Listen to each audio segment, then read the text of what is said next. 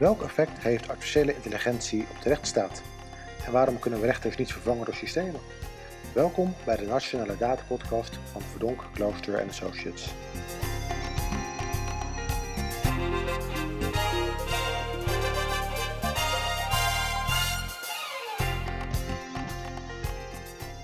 Welkom bij de Nationale Data Podcast. De podcast met inspirerende gasten en inzichten over het gebruik van data, algoritmes en artificiële intelligentie in de publieke sector. Mijn naam is Christian Vagen en mijn gast vandaag is professor Dr. Meester Mireille Hildebrand, hoogleraar aan de Vrije Universiteit Brussel en de Radboud Universiteit, waar u zich bezighoudt met technologie en de rechtsstaat. Welkom. Dank, heel graag gedaan. Bijzonder leuk dat u te gast wilt zijn in deze, in deze podcast. U bent eerder genomineerd door twee eerdere gasten, namelijk via Jeroen van der Hoven en via Marleen Stikker. Eh, dus ja, fijn dat je ook bereid heeft gevonden om, uh, om uh, ja, deel te nemen aan deze opname. Helaas nog eventjes via een beeldverbinding in deze tijd. Maar ook dat gaat, gaat goed lukken. Komt goed, hoop ik. U bent, zoals ik net zei, u bent hoogleraar uit bezig met technologie en de rechtsstaat. Moet je aangeven, dat zijn twee hele mooie onderwerpen, maar hoe zijn die met elkaar vervlochten? Um, ja, dan is het misschien goed om eerst iets te zeggen over wat ik de kern van de rechtsstaat vind. Het woord rechtsstaat is, bijna een uh, visitekaartje wat mensen naar elkaar toegooien om het laatste woord te hebben. En dan is het wel handig om even aan te geven wat ik ermee bedoel.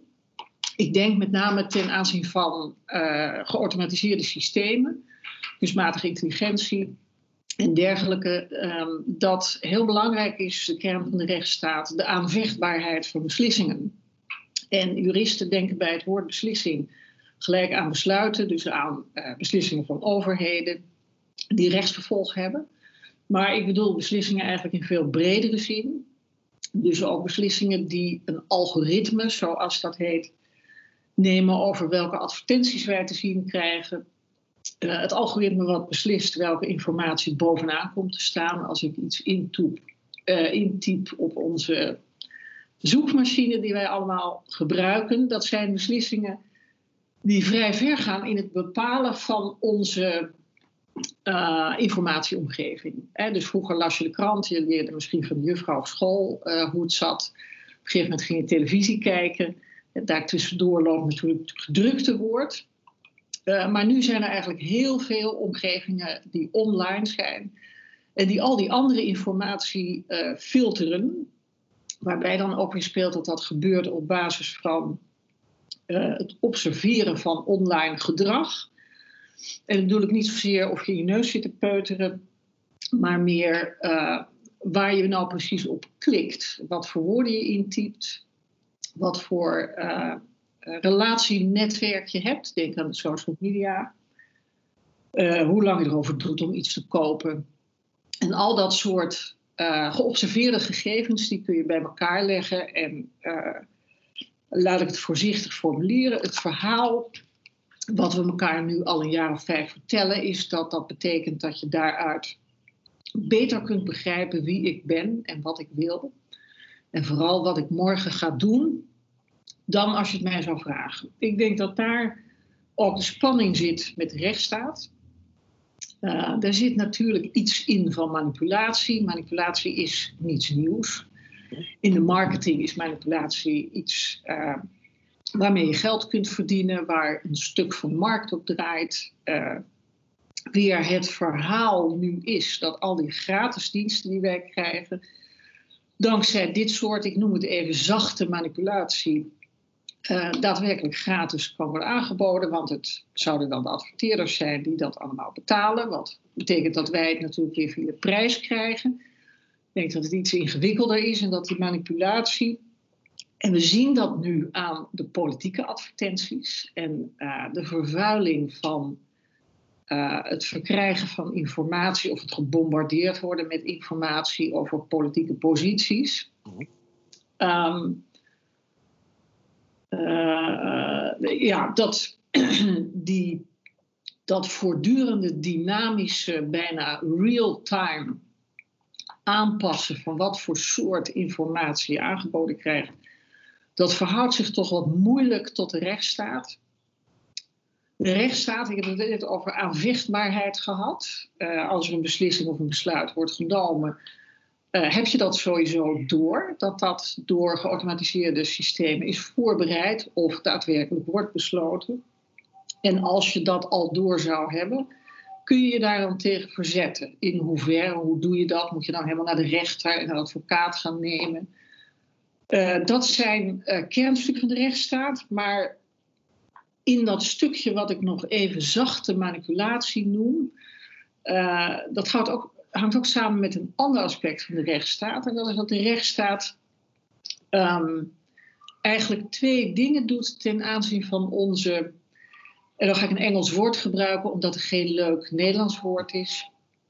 Onze agency. En dat kan ik vertalen met onze subjectiviteit, maar dan gaan we gelijk de hele verkeerde kant op alsof ik het hier over allerlei subjectieve dingen ga hebben. Agency is eigenlijk de kern van uh, ons mens zijn in de zin dat uh, we verantwoordelijk zijn voor wat we doen en ook verantwoordelijk kunnen worden gehouden.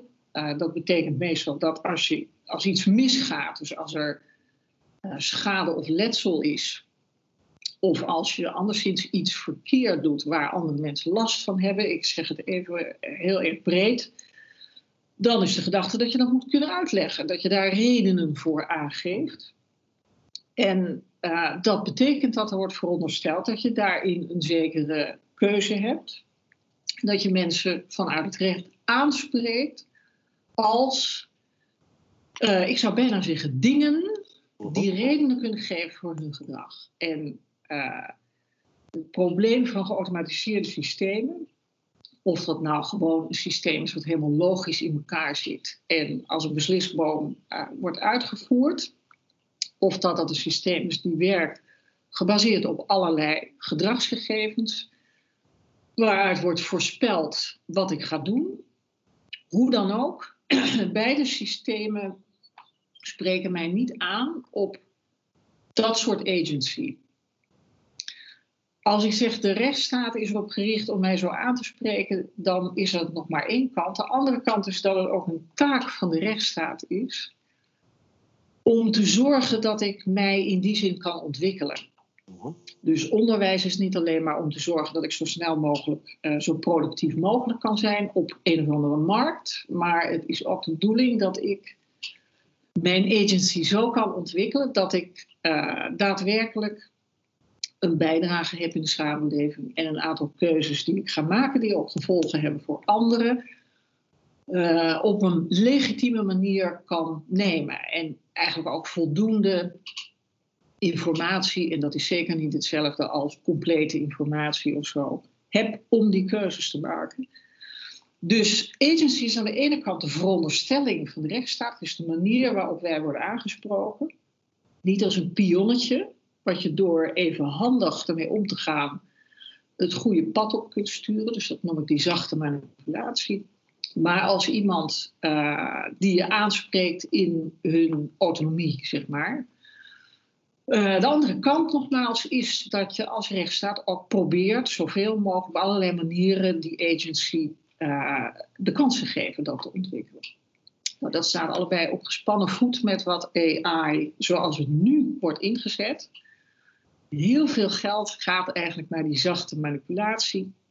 Dat heeft te maken met uh, zeg maar de incentive structuur van de markt op dit moment. De manier waarop we met z'n allen over economie nadenken. En we hebben eigenlijk het idee dat dat niet anders kan.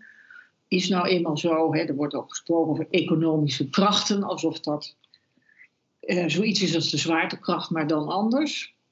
Dus daar kun je niks aan doen, dat is gewoon zo. Uh, ik denk dat dat niet zo is. maar uh, dit is een manier, daar gaat een heleboel geld naartoe. Dus heel veel van de knappe koppen die zich bezighouden met AI, die worden gerecruiteerd door bedrijven die het op die manier inzetten. En dat is uh, bijzonder problematisch. Ja, u zegt eigenlijk AI, hè, die, die slimme systemen bestaan uit algoritmen, die worden nu toch nogal vooral ingezet om ons wat meer te, te eigenlijk. Hè, waarmee we ook de keuzevrijheid die wij, die wij hebben en zouden moeten hebben vanuit de rechtsstaat beperkt wordt. Waardoor ook niet de kans krijgen om nou, misschien te ontplooien of op, op andere manieren ook te uiten. Dus dat het daarmee ook tot AI uh, in potentie een bedreiging zou kunnen zijn voor de rechtsstaat? Of, of zijn het, levert het ook juist kansen op?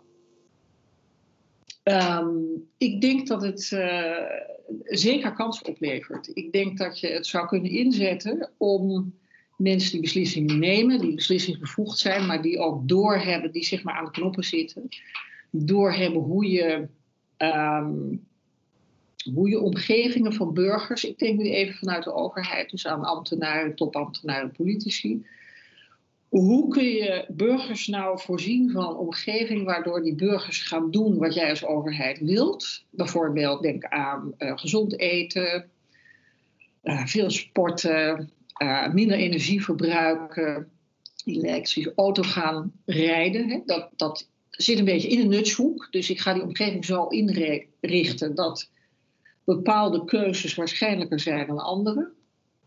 Um, je kunt ook zeggen, ik wil eigenlijk die omgeving in gaan richten samen met burgers. En met name met, want je, je moet het een beetje uh, klein doen. Ik weet dat het woord schaalvergroting, dat, dat is een mantra in bepaalde kringen.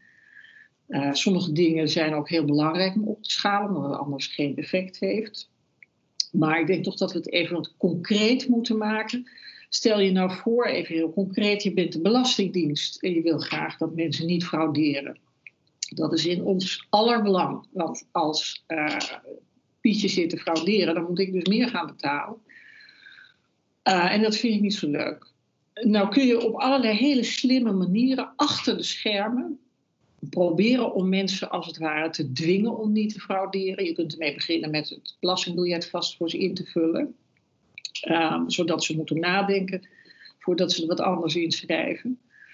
Um, maar je kunt natuurlijk ook zeggen, ik ga gewoon naar die gedragsdata kijken. Alle gedragsdata die ik maar ergens kan vinden. Dus parkeergedrag, uh, uh, gedrag uh, ten aanzien van kinderen. Je probeert bijvoorbeeld cijfers van scholen te krijgen. nou ja, er zijn allerlei manieren om aan heel veel gedragsdata te komen. En dan ga je daaruit afleiden door terug te kijken, wat voor data hangen nou samen, wat voor datacompositie, zou ik maar zeggen, hangt nou samen met fraudegedrag. Want de systemen die denken gewoon niet in, in handelen of zo, of in intenties, maar die denken gewoon in termen van gedrag. Dus je hebt fraudegedrag en je hebt bijvoorbeeld parkeergedrag en dan ga je dat correleren en waarschijnlijk met nog veel meer. Zo zou je tot de conclusie kunnen komen dat mensen met uh, vier kenmerken, en dat kunnen vrij banale kenmerken zijn, waarvan je anders nooit zou bedenken dat dat correleert met fraudegedrag. Um, namelijk een automerk of een kleur van iemand zijn overheid, ik zeg maar wat. Um, dan kun je kijken wie zijn nou diegenen die frauderen. En als dat dan heel hoog oploopt, dus je zegt nou ik heb nu vier factoren, daar, daar gaat het wel om 87,3% van de gevallen. Uh, dan kun je natuurlijk in de verleiding worden gebracht als belastingdienst om te zeggen, nou die mensen gaan we eens op een lijst zetten. En uh, dan gaan we de, uh, het vermoeden van fraude omdraaien. We gaan eerst maar eens vermoeden, en dat doen we binnen kamers, hè, dat gaan we natuurlijk niet vertellen. Ja, de gedachte is dus dat gaat vertellen, dan gaan mensen dat gamen. Die gaan je ertussen nemen als belastingdienst. Dus we gaan het niet vertellen. Ehm, en we gaan die mensen extra monitoren. Dat is de eerste stap. De volgende stap zou nog kunnen zijn dat je de kinderbijslag stilzet. Um, uh, ik wil hiermee niet suggereren dat de zwarte lijst ten aanzien van de kinderbijslag op deze manier tot stand is gekomen. Maar dat zou wel een van de grote verleidingen van de inzet van dit soort kunstmatige intelligentie zijn. Um, wat zou er nou mooier zijn dan om als belastingdienst uh, je te richten tot burgers, niet als pionnetje waarmee je op een schaakbord ziet te schuiven totdat ze schaakmat zijn. En dan ook nog op de koop toenemen dat een heleboel mensen die heel keurig zijn, daar de dupe van worden. Uh, rechtstreeks tot mensen te richten en te zeggen: kijk, uh, die leuke weg waar je over rijdt naar je werk, de gezondheidszorg in Nederland en allerlei andere dingen, zijn er alleen maar vanwege belasting. Dat iedereen dat betaalt. We gaan fraude hard aanpakken. Daar ligt dan aan onze kant een grote bewijslast op natuurlijk. Maar we gaan er wel echt naar zoeken. En dit zijn de mogelijke manieren waarop dat kan. En dan met name die mensen die uh, bijvoorbeeld bij de foutpositieven wat hoger eruit komen. Ja, dat is even een stukje statistiek. Als je dit soort datagestuurde systemen gaat inzetten, daar gaan altijd fouten in komen. Dat, uh, dat is een gegeven, dat kan niet anders. En dat kan een fout zijn dat je iemand ten onrechte verdenkt. Het kan ook een omgekeerde fout zijn dat je iemand ten onrechte uh, niet verdenkt en laat lopen. En daar meestal hebben die twee typen fouten, fout positieve, fout negatieve, met elkaar te maken. Waar het nu even om gaat, ik pak direct door naar het uh, zogenaamde fairness-debat op het snijvlak van recht en kunstmatige intelligentie. Waar het nu om gaat is, uh, het zou wel eens zo kunnen zijn dat uh, verschillende bevolkingsgroepen, bijvoorbeeld verschillende etnische bevolkingsgroepen, maar het zou ook kunnen gaan om genderdiversiteit uh, of seksuele geaardheid. Het zou ook heel ordinair kunnen gaan om uh, inkomenspositie, dus mensen met een lage inkomenspositie. Je moet eigenlijk, als je zoiets doet, moet je goed kijken of de mensen die onderop liggen op de samen, in de samenleving, um, die het sowieso al moeilijk hebben om uh, hun agency te ontwikkelen, die waarschijnlijk in de lach schieten als iemand zegt: uh, kun, Zullen jouw agency, zullen dat eens ontwikkelen? Die zijn met hele andere dingen bezig. Um, of het niet zo is dat mensen die het eigenlijk heel goed doen, minder vaak eruit komen bij fraude dan mensen die het al heel moeilijk hebben. De oorzaken hoe dat komt, dus dat betekent dat de foutpositieven een bepaalde distributie hebben die niet zo leuk is voor degenen die het al heel moeilijk hebben. De oorzaken daarvan die zijn vrij complex. Uh, er heeft een paar jaar geleden iemand in Princeton, knappe computerwetenschapper, als ik me goed herinner, 21 verschillende manieren uh, gevonden in uh, artikelen van computerwetenschappers over hoe je dat recht zou kunnen zetten en hoe je het sowieso zichtbaar zou kunnen maken. Daar wil ik nu even niet op ingaan. Het gaat mij erom ik kom terug op uh, een hele belangrijke vraag. Kun je die systemen gebruiken om het beter te doen? Uh, om betere beslissingen te nemen? Ja, ik denk het wel. Ik denk dat je ze zo in zou moeten zetten dat je eigen vooroordelen, en die hebben we allemaal, want anders kunnen we niet vooruit. Dan kun je niet bij iedere beslissing die we nemen eerst uh, drie kwartier pauze nemen. Um, dus we drijven een beetje op vooroordelen en soms zijn dat hele goede, soms zijn dat slechte, soms zijn het moreel verwerpelijke vooroordelen. Soms uh, dom en uh, je kunt heel knap zijn en hele domme vooroordelen hebben. Uh, om die vooroordelen eruit te halen. Dat betekent dat je dus eigenlijk wat obstructie pleegt binnen het beslisproces. Je gaat het niet makkelijker maken, je gaat het iets moeilijker maken. Um, en ik denk dat je dan uh, op die manier kunstmatige intelligentie een fantastische bijdrage kan leveren. Bijvoorbeeld aan uh, de inzet van uh, beslisprocessen in de overheid. Ja, ik zeg het even heel ruim. Ik denk ook dat het belangrijk is om. iedereen heeft het over de human in the loop. Hè? Dus als, als we kunstmatige intelligentie gaan doen, dan wordt het een miljardenbusiness. Hè? en, dan, en dan onderschat ik het eigenlijk nog. Uh, om dat wat leuker te verkopen, gaat het tegenwoordig de hele dag over de human in the loop. En dat vind ik een afschuwelijke term. Ik wil helemaal niet in een loopje zitten van een machine. Ik vrees dat niemand dat wil. En vanuit de rechtsstaat gezien willen we dat ook niet. Dus we moeten een machine hebben in de loop, als we er alleen willen. Ja, je wel, hè? je moet eigenlijk ook toch, toch die burger op een goede manier gaan betrekken, ook bij dit soort systemen. Ja. Uh, hoe ziet u dat dan? Hoe, hoe moet de burger betrokken worden bij uh, AI? Ja, dat is een heel, uh, hele goede vraag. Natuurlijk een lastige vraag. Um, ik kan mij voorstellen, zowel onder ambtenaren als politici. Je moet natuurlijk de hele dag zeggen dat burgers belangrijk zijn, want ja, die gaan straks weer stemmen en zo. Uh, maar dat er een zeker cynisme is. als er weer een referendum wordt gehouden, dan blijkt er weer helemaal basis van verkeerde informatie en uh, de opkomst van het populisme, zou je kunnen zeggen, geeft ook aan dat je wat cynisch moet zijn. Ik ben het daar ten gronde mee oneens. Ik denk dat burgers heel slim zijn, heel intelligent zijn en uh, dat, het, dat je vooral moet zorgen dat die informatieomgeving, en dat klinkt een beetje abstract, maar dat is toch maar gewoon wat er gebeurt als je ergens op gaat klikken. Um, wetende dat het heel belangrijk is dat mensen zich identificeren met elkaar. En als dus iedereen op Facebook zit, ja, wordt het moeilijk om daar niet op te zitten. Dus dan moet je heel goed gaan kijken wat voor type informatie er op dat soort social networks wordt versterkt door die algoritmes die eigenlijk alleen maar attention willen, aandacht. Want aandacht is te verkopen aan de adverteerder. Dus als, je, als ik zeg, je moet uh, eigenlijk op het moment dat je beslissingen gaat nemen uh, en je gaat daarbij dit soort systemen gebruiken, je moet dan met de mensen die waarschijnlijk aan het kortste eind gaan trekken, en dat kun je best heel aardig voorzien. Als je zo knap bent dat je die systemen goed kan inzetten, kan je dat zeker ook voorzien. Dan moet je maar eens met die mensen gaan praten. Uh, en dat kan zijn dat je maar eens met mensen met een, de voornaam Mohammed moet gaan praten. Uh, en zo kan ik nog wat hele concrete voorbeelden geven. Um, en de, dat gesprek moet gaan over, luister eens, wij moeten fraude tegengaan. Daar is geen discussie over mogelijk. Ik heb het even nog steeds over de Belastingdienst. Ja. Daar is geen discussie over mogelijk. Daarbij gaan uh, fouten. Uh, maar wij zien dat die fouten wel eens uh, op een scheve manier terecht kunnen komen. En wij willen nu het gesprek aangaan. Hoe kunnen wij dat voorkomen? Wat voor transparantie is er nodig? Hoe kunnen mensen zich verweren tegen dit soort beslissingen? En dan kom je natuurlijk ook heel gauw op de discussie: ja, maar het moet niet over fraude gaan. We moeten de economische positie van mensen verbeteren. Totaal waar. Is ook heel goed om naar dat gesprek te luisteren.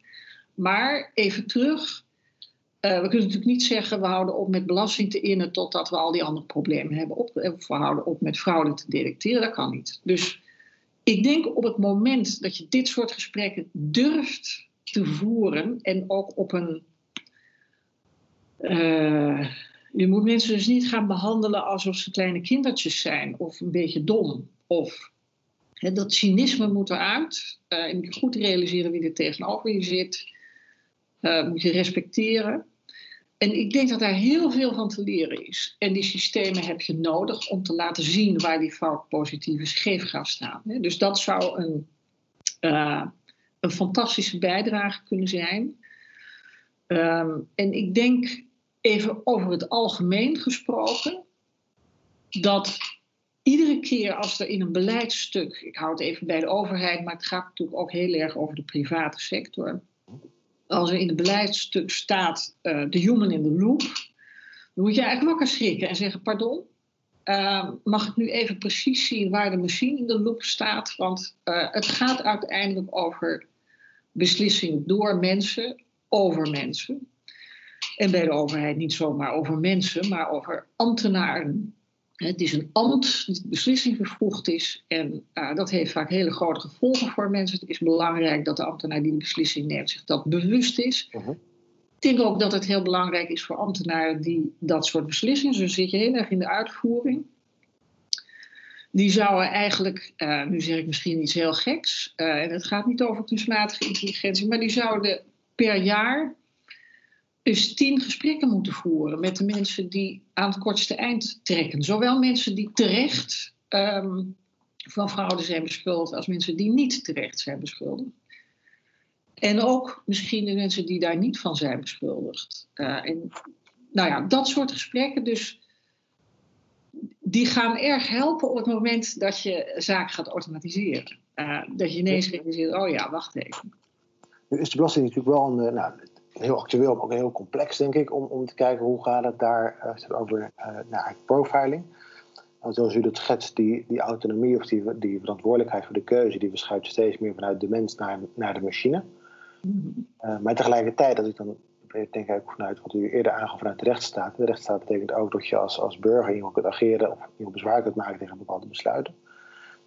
Um, en dat zie je nu ook gebeuren natuurlijk, hè, dat er bezwaar gemaakt wordt ten opzichte van het nou, al dan niet onterecht gebruik maken van data en uh, algoritmes die ook niet die neutraal zijn. Um, is het niet misschien juist makkelijker ook voor de burger en daardoor ook de rechtsstaat versterkend wanneer je uh, die beslissingsbevoegdheid in een algoritme vastlegt, wat uiteindelijk nog steeds toch nullen en enen zijn, misschien heel complex, maar nog steeds wel voor een groot deel uh, uitlegbaar. Versus de beslissing die genomen wordt in het hoofd zeg maar, van die, die beslisambtenaar. En daarmee tot, tot AI juist ook de rechtsstaat die zin kan versterken, ondanks dat AI niet neutraal is. Ja, ja dat is een, een fantastische vraag. Uh, er spelen eigenlijk twee dingen. Als je zegt een uh, algoritme bestaat uit nullen en enen, dat klopt. Maar je moet het toch even onderscheiden tussen een algoritme wat als een uh, besluitboom, een beslisboom, een logisch paadje afloopt. Iedere volgende stap um, is gebaseerd op het formaliseren van een aantal zaken die eigenlijk niet te formaliseren zijn. Maar uh, omdat we willen opschieten en willen automatiseren en meer beslissingen tegelijk willen nemen. Uh, en omdat we het misschien narekenbaar willen maken, hè, zodat we precies kunnen uh, narekenen wat voor beslissingen nou precies op welke gronden is genomen, doen we dat. Maar het formaliseren is het grote probleem. Ik denk dat iedereen voortdurend meemaakt dat je naar een website gaat, iets in moet vullen, Um, denk maar aan het recruteren van personeel. Je moet iets invullen en dan kijkt het systeem of je überhaupt wel je, je sollicitatie in mag dienen. Um, denk ook in de medische hoek waar je formulieren moet invullen. Bij die online systemen maakt iedereen mee dat je een vraag krijgt met een beperkt aantal mogelijkheden om die te beantwoorden. Een schaal van 1 tot 5, maar het kan ook zijn dat er drie voorgekookte antwoorden zijn, waarbij je één ding heel zeker weet, waar ik het over heb hier, dat past daar absoluut niet in. Maar als ik dat niet doe, dan kom ik niet verder in het systeem. Dus ik ga een beetje wringen en ik doe dan maar even dit. Mhm. Nou, dit soort um, problemen betekent dat je de beslissing wel naar rekenbaar maakt, maar je maakt natuurlijk nog steeds niet zichtbaar wat er aan de, uh, de niet-technische kant gebeurt wil je dat allemaal gaan nakijken. Je zou kunnen zeggen, als je dat doet, gaan er veel meer mensen bezwaar maken. Want die mensen merken dat systeem zit er net precies naast. Nou, dat is natuurlijk niet de bedoeling. Dus meestal wordt er ook uitgesloten. Uh, op, meestal wordt er gezegd, op deze drie gronden mag je nog bezwaar maken en de rest kijken wij niet naar. Dat is heel handig en verstandig en begrijpelijk. Maar dan moet je mij niet vertellen dat je dit hebt gedaan om doorzichtig te maken hoe de beslissing tot stand is gekomen. Want de reden is gewoon uh, de heilige efficiëntie. En efficiëntie vervalt zodra je mensen weer serieus neemt. Andere type algoritmen, dat zijn die algoritmes die op basis van gedragsdata uh, aanbevelingen doen of beslissingen nemen. daarbij is helemaal niet noodzakelijkerwijs sprake van narekenbaarheid. We leven nu in een tijdperk dat heel veel mensen denken dat als je aan deep learning doet, uh veel mensen denken dat dat iets ontzettend diepzinnigs moet zijn, want ja, als je iets niet begrijpt, zal het wel diep zijn. Er is niet iets dieps aan, diepzin, uh, iets dieps aan die um, systemen. Uh, het betekent gewoon dat er bepaalde uh, geautomatiseerde statistische afleidingen steeds opnieuw herhaald worden. En op heel veel verschillende niveaus met elkaar worden verbonden. Computerwetenschappers noemen dat multidimensionaal. Worden eigenlijk berekeningen uitgevoerd heel snel die wij never nooit zouden kunnen uitvoeren. Uh, tenzij we daar heel veel lichtjaren en de hele bevolking van uh, de wereld voor zouden gebruiken. Het gevolg daarvan is dat we het dus niet kunnen narekenen dat je weer een ander systeem hebt die gaat kijken wat nou waarschijnlijk de factoren zijn geweest die meespeelden. Uh, dat betekent dat er weer een hele nieuwe tak van sport binnen de computerwetenschappen is ontstaan, explainable uh, AI, explainable ML. Maar um, dan maak je het alleen maar ingewikkelder. Want om te kijken of dat systeem nou wel goed heeft begrepen wat dat ondoorzichtige systeem doet, moet je eigenlijk weer een systeem hebben wat nog een stapje complexer is. Bovendien, die systemen geven momentopnames, ze zijn heel dynamisch, dus uh, nou ja, het is heel... Complex, het is een complex vakgebied. Dat, uh, ja, ja kijk, niets is complexer dan de menselijke samenleving. Dus computerwetenschapper is complex, maar heel erg te overzien in zijn complexiteit. Je kunt zelfs wiskundig bewijzen wat je wel en niet kunt bewijzen. Um, menselijke samenleving is oneindig veel complexer. Dus computerwetenschappen is één manier om die complexiteit van menselijk samenleven en heel veel andere dingen, hè, astronomie, et cetera. Gaat niet alleen maar over menselijke samenleving. Om daar wat orde in aan te brengen, zodat wij uh, uh, ja, beter kunnen anticiperen wat er waarschijnlijk gaat gebeuren. Als ik goed begrijp, hè, dan zegt u ook van AI, zeg maar even als, als, als containerbegrip, dat, dat biedt ook kansen, ook voor de rechtsstaten, maar AI is per definitie ook een, een versimpeling van die complexiteit van de mens. En tegelijkertijd moet hij ook, hè, om toch te zorgen dat die rechtsstaat op een goede manier ook geborgd wordt daarbinnen, die mens betrekken. Nou, dat is natuurlijk ook niet uh, heel toevallig dat we het hier over hebben. Hè. Dat is ook, denk ik, een van de onderwerpen waar u zich vooral mee, uh, mee bezighoudt. Um, u, bent ook uh, nou, recent geloof ik geweest gestart met een groot onderzoeksproject op, dit vak, op dit gebied. Kunt u daar, daar iets over vertellen? Ja, ja, ik heb me eigenlijk zo'n jaar of 15 bezig gehouden met kunstmatige intelligentie, zowel de meer uh, gedetermineerde systemen, dus die beslisboompjes, als datagestuurd. En sinds 2019 ben ik met twee teams, juristen aan de ene kant en computerwetenschappers aan de andere kant, ook verspreid over Brussel en Nijmegen. Um, aan het kijken naar wat er gebeurt als je die kunstmatige intelligentie binnen het recht gebruikt. Dus als je bijvoorbeeld zegt, nou, uh, wetgeving dat is nogal complex, wie kan dat nou allemaal op rijtje in zijn hoofd bewaren? We, uh, computers kunnen dat allemaal wel, die slapen ook nooit en zo. Uh, Eén druk op de toets en het komt er weer uit. Dus we gaan bijvoorbeeld zowel wetteksten en andere regelgeving als rechtelijke uitspraken gaan we machinaal leesbaar maken dus gaan we omzetten in code. Uh, nou, dat heeft als ene voordeel dat je het makkelijk online kunt zetten, zodat mensen erbij kunnen.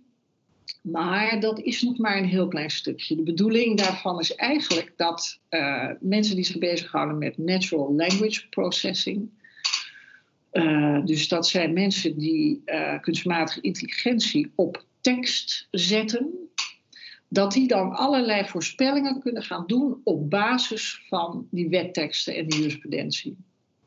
En het aardige daarvan is dat het blijkt dat je soms kunt zeggen, nou ik geef dit systeem als data de uitspraken van een belangrijke rechter, Europees Hof voor de Rechten van de Mens.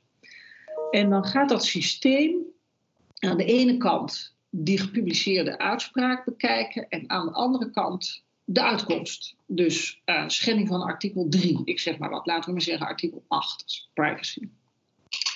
Dus die gaat kijken naar uh, die tekst en die gaat proberen puur op basis van die tekst um, een wiskundige functie te vinden, want dat is een correlatie in machinaal leren, niets meer dan dat. Een wiskundige functie waarmee je eigenlijk steeds die tekst met die uitkomst van de zaak kunt verbinden.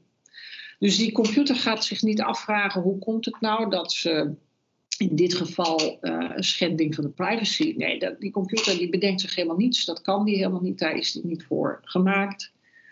Die zit alleen maar eigenlijk statistiek te combineren met nog wat slimme uh, modellen. Maar dan blijkt het dat als je die tekst goed labelt, dat wil zeggen dat je uh, daar toch wat dingen in naar voren haalt. Je kunt ook wat metadata, dus welke kamer heeft het besloten, is het een strafzaak of een civiele zaak? Uh, uh, wie, heeft, wie is degene die de zaak heeft aangekaart? Is dat een private partij of nou ja, dat soort zaken dat op basis van die wiskundige kijk, die datagestuurde kijk, dat er, ik zeg maar wat, uh, 73% van de gevallen de uitkomst kan worden voorspeld. En dan is het spannende verhaal altijd, als je dat nou aan juristen zou vragen, dan komen ze niet verder dan 71,5%. Ik zeg maar wat. En soms zijn de verschillen wat groter. Um, dat is een heel belangrijk vakgebied. Uh, en wij, dat onderzoek van ons is eigenlijk op grondslagenniveau, zowel aan de kant van de juristen als aan de kant van de computerwetenschappers. Dus wij kijken eigenlijk naar de theoretische computerwetenschappen. Wat zijn nou de veronderstellingen binnen de computerwetenschappen? Dat betekent dicht tegen de wiskunde aanzit, in de filosofie van de wiskunde.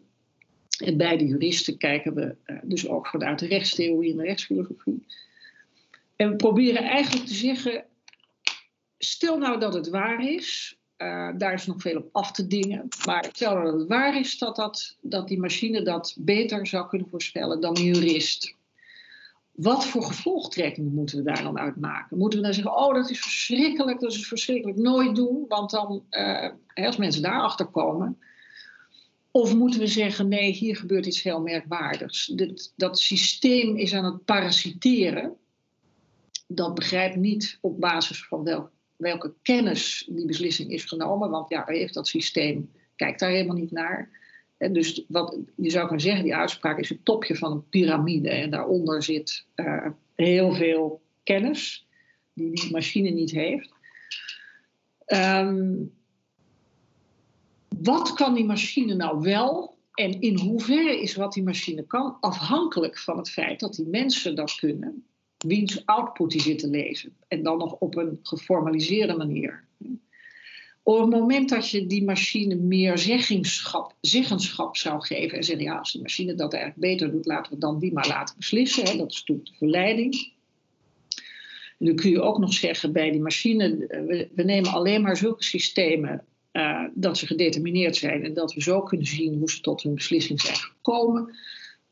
Je kunt beginnen met uh, machinaal leren en als je uh, die functie hebt gevonden, dan zet je dat om in een gedetermineerd systeem. Dat kan. Dan weet je dus precies op basis waarvan er is besloten. Uh, en bij die rechter, ja, dat weet je helemaal niet, want we kunnen niet in mekaars hersenen kijken. Um, het onderzoek gaat erover in hoeverre zijn dat soort argumenten valide. Gebeurt er misschien nog iets heel anders? Mijn stelling is altijd: een rechter die beslist, die heeft bepaalde intuïties, maar het recht perkt de beslisruimte van de rechter in. Hij kan dus wel denken: nou, ik wil dat Pietje gelijk heeft, want het is zo'n leuke man en zielig en bla bla.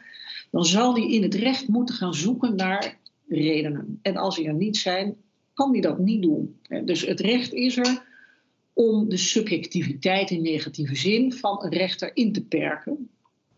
Um, die machines die zijn natuurlijk helemaal niet objectief. Dat, dat denken sommige mensen dat die objectief zijn. Die machines die doen alleen maar wat degene die de data bij elkaar legt en die de modellen, de wiskundige modellen ontwerpt en die labelt. Dus dat betekent aanmerken welke stukjes tekst je speciaal naar moet kijken. Uh, die bepalen feitelijk wat dat systeem doet. En dat systeem, nogmaals, parasiteert op kennis van anderen. En op het moment dat je zou zeggen, wij gaan die anderen dan maar vervangen door dat systeem, dan gaat er natuurlijk iets heel raars gebeuren. Want dat systeem weet niks, dus die gaat als het ware herhalen. En dan komt op een gegeven moment ook het moment als rechters of andere juristen zelf geen close reading meer doen, maar daar altijd die software voor gebruiken, dat ze ook eigenlijk niet meer kunnen beoordelen of dat systeem het wel of niet goed doet. Dat is een heel bekend argument, wat ook in de medische wetenschap speelt. Pas op dat artsen niet zich laten vervangen, want wat dat systeem doet is voor een deel parasiteert dat op uh, deskundigheid van de arts. En als die niet meer kan beoordelen, omdat hij geen ervaring meer heeft wat het systeem doet, dan heb je een probleem. Bij, bij de medische kant is dan nog het voordeel dat je op een gegeven moment gewoon kunt kijken of de patiënt is overleden. Dat is een heel hard feit. In een rechtszaak is er niet een of ander extern persoon die kan zeggen of er een goede beslissing of niet is. Hè. Die externe persoon is namelijk de rechter. Dus de, de... Mooi, een lastig, lastig onderwerp tegelijkertijd. Hè? Ik, Absoluut. Je dat schetst ook tot, tot AI een soort van parasiteert zeg maar, op de kennis en expertise die er is. En daar is ook het risico wanneer je die kennis en expertise eigenlijk laat, laat vervangen wat er dan vervolgens resteert. En dat is een onderwerp wat denk ik meer uitnodigt om er uh, ja, minimaal nog een aantal uur over door te, door te praten. En dan hebben we die luxe helaas niet, want we komen toch echt aan het einde ook van deze, van deze podcast. Uh, maar dat doe ik niet, uh, zoals je weet, nou, ik ook aan u toch de vraag ga stellen. Van, nou, uh, ik zeg, nou, we zouden graag met u nog een uur doorpraten, maar dat lukt nu niet. Met wie zouden we in een volgende podcast hierover willen kunnen doorpraten? Hoeveel namen mag ik doorgeven? Zoveel als je wilt. maar is ook een aflevering extra. Uh, ja, ik, ik, nam aan, maar misschien is dat niet zo dat u Maxime Februari al heeft gesproken. Uh, ik denk aan mijn collega Frederik Borgesius, Zuiderveen Borgesius in Nijmegen. Ik aan Jan Smits in uh, Eindhoven. Ronald Lenus in um, Tilburg. Uh, Winkels in Amsterdam. En zo kan ik nog een tijdje doorgaan. Nou, ik, denk, dat wij hiermee onze, onze, podcast nu wekelijks kunnen gaan, gaan vullen. Dus daar ben ik heel erg blij mee. Zeker ook als we over, toch wat vaker over dit onderwerp kunnen doorpraten, wat enorm interessant is. ik wil u bedanken voor deze suggesties en in het bijzonder bedanken voor, voor uw verhaal hierover. Heel graag gedaan, dank.